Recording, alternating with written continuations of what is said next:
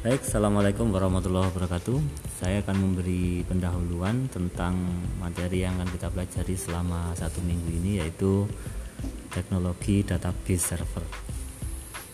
E, Siapa sih yang tidak tahu dengan Facebook, e, Twitter, Youtube dan sebagainya? Sebuah situs-situs besar yang hampir tiap hari kita gunakan.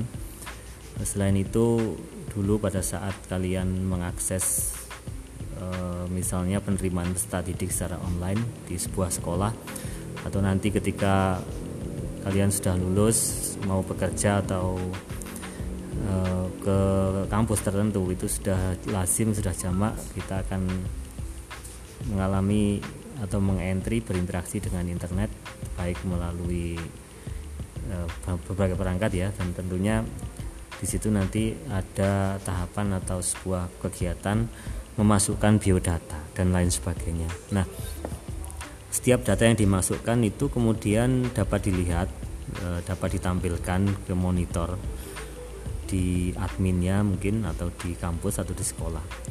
Pertanyaannya adalah yang pertama kira-kira ke mana data-data tersebut disimpan?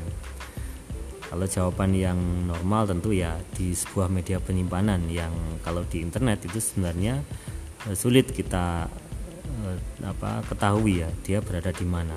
Jadi data yang kalian kirim itu secara fisik di media penyimpanannya uh, sulit diketahui berada di mana. Namun ada satu hal yang pasti data tersebut disimpan.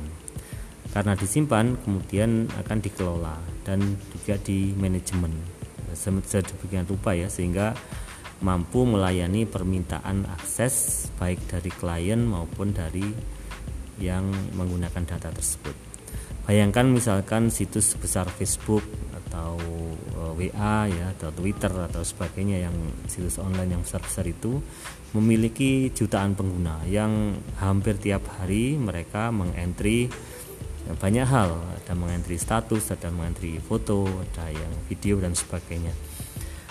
Dan itu semua harus dapat dilayani e, untuk menampilkan lagi permintaan data secara bersamaan juga mungkin ya dalam waktu dan jumlah yang sangat besar. Ini salah satu masalah ya dalam dalam mengelola data tersebut, dalam menyediakan dan mengelolanya.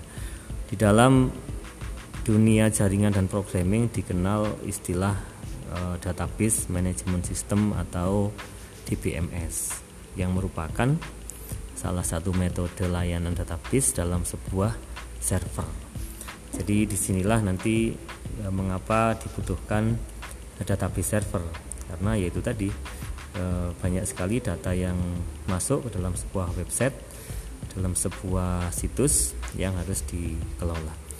Dalam mengimplementasikan teknologi layanan e, database server tersebut, maka data dengan mudah disimpan, dikelola diolah ya. Kemudian memudahkan penanganan yaitu penanganan misalkan dari permintaan klien permintaan data dari klien atau untuk kepentingan pengelola sendiri.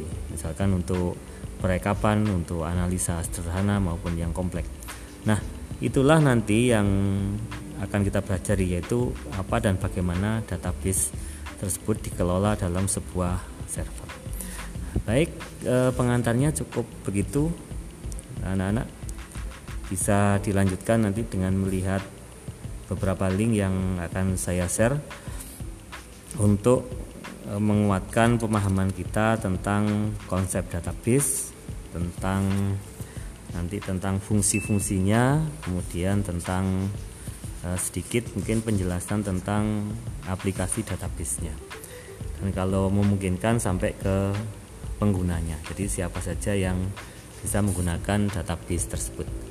Demikian pengantar materi administrasi server, eh, topiknya database server. Selamat beraktivitas, tetap jaga kesehatan. Wassalamualaikum warahmatullahi wabarakatuh.